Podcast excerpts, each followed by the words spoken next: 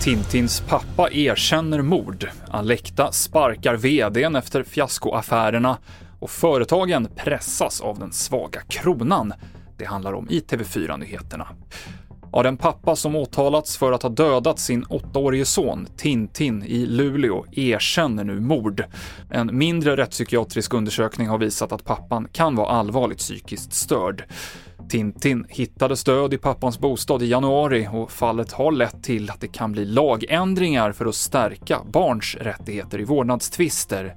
Rättegången inleds nu på fredag. Fästingssäsongen närmar sig och klimatförändringar gör att djuren sprider sig allt mer norrut i Sverige.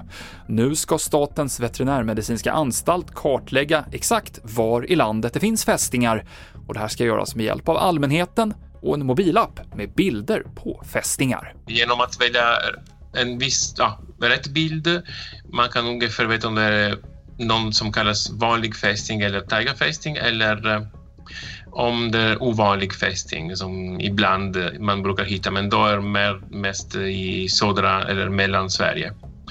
Och eh, när man är klar, man kan fota fästingen och eh, skicka bilden till oss så vi kan eh, spara och både rapporten och eh, använda till framtidens eh, studier. Sa forskaren Giulio Grandi Pensionsförvaltaren Alektas VD Magnus Billing har fått sparken med omedelbar verkan. Beskedet från bolaget kommer efter förlustaffärerna i USA med bland annat Silicon Valley Bank och andra krisdrabbade banker, där närmare 20 miljarder i pensionspengar gått förlorade. Och det är många företag som pressas av den svenska kronans svaga kurs enligt en undersökning som Swedbank låtit göra bland de 400 största företagen i industri och tjänstesektorn. 90% av de här företagen uppger att kronförsvagningen har ökat inköpskostnaderna och att priserna måste höjas därefter.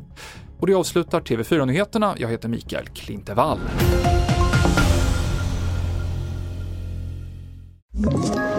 Ett poddtips från Podplay.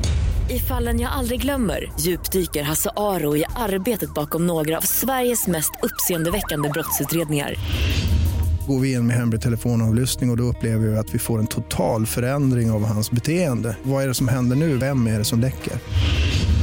Och så säger han att jag är kriminell, jag har varit kriminell i hela mitt liv men att mörda ett barn, där går min gräns. Nya säsongen av Fallen jag aldrig glömmer på Podplay.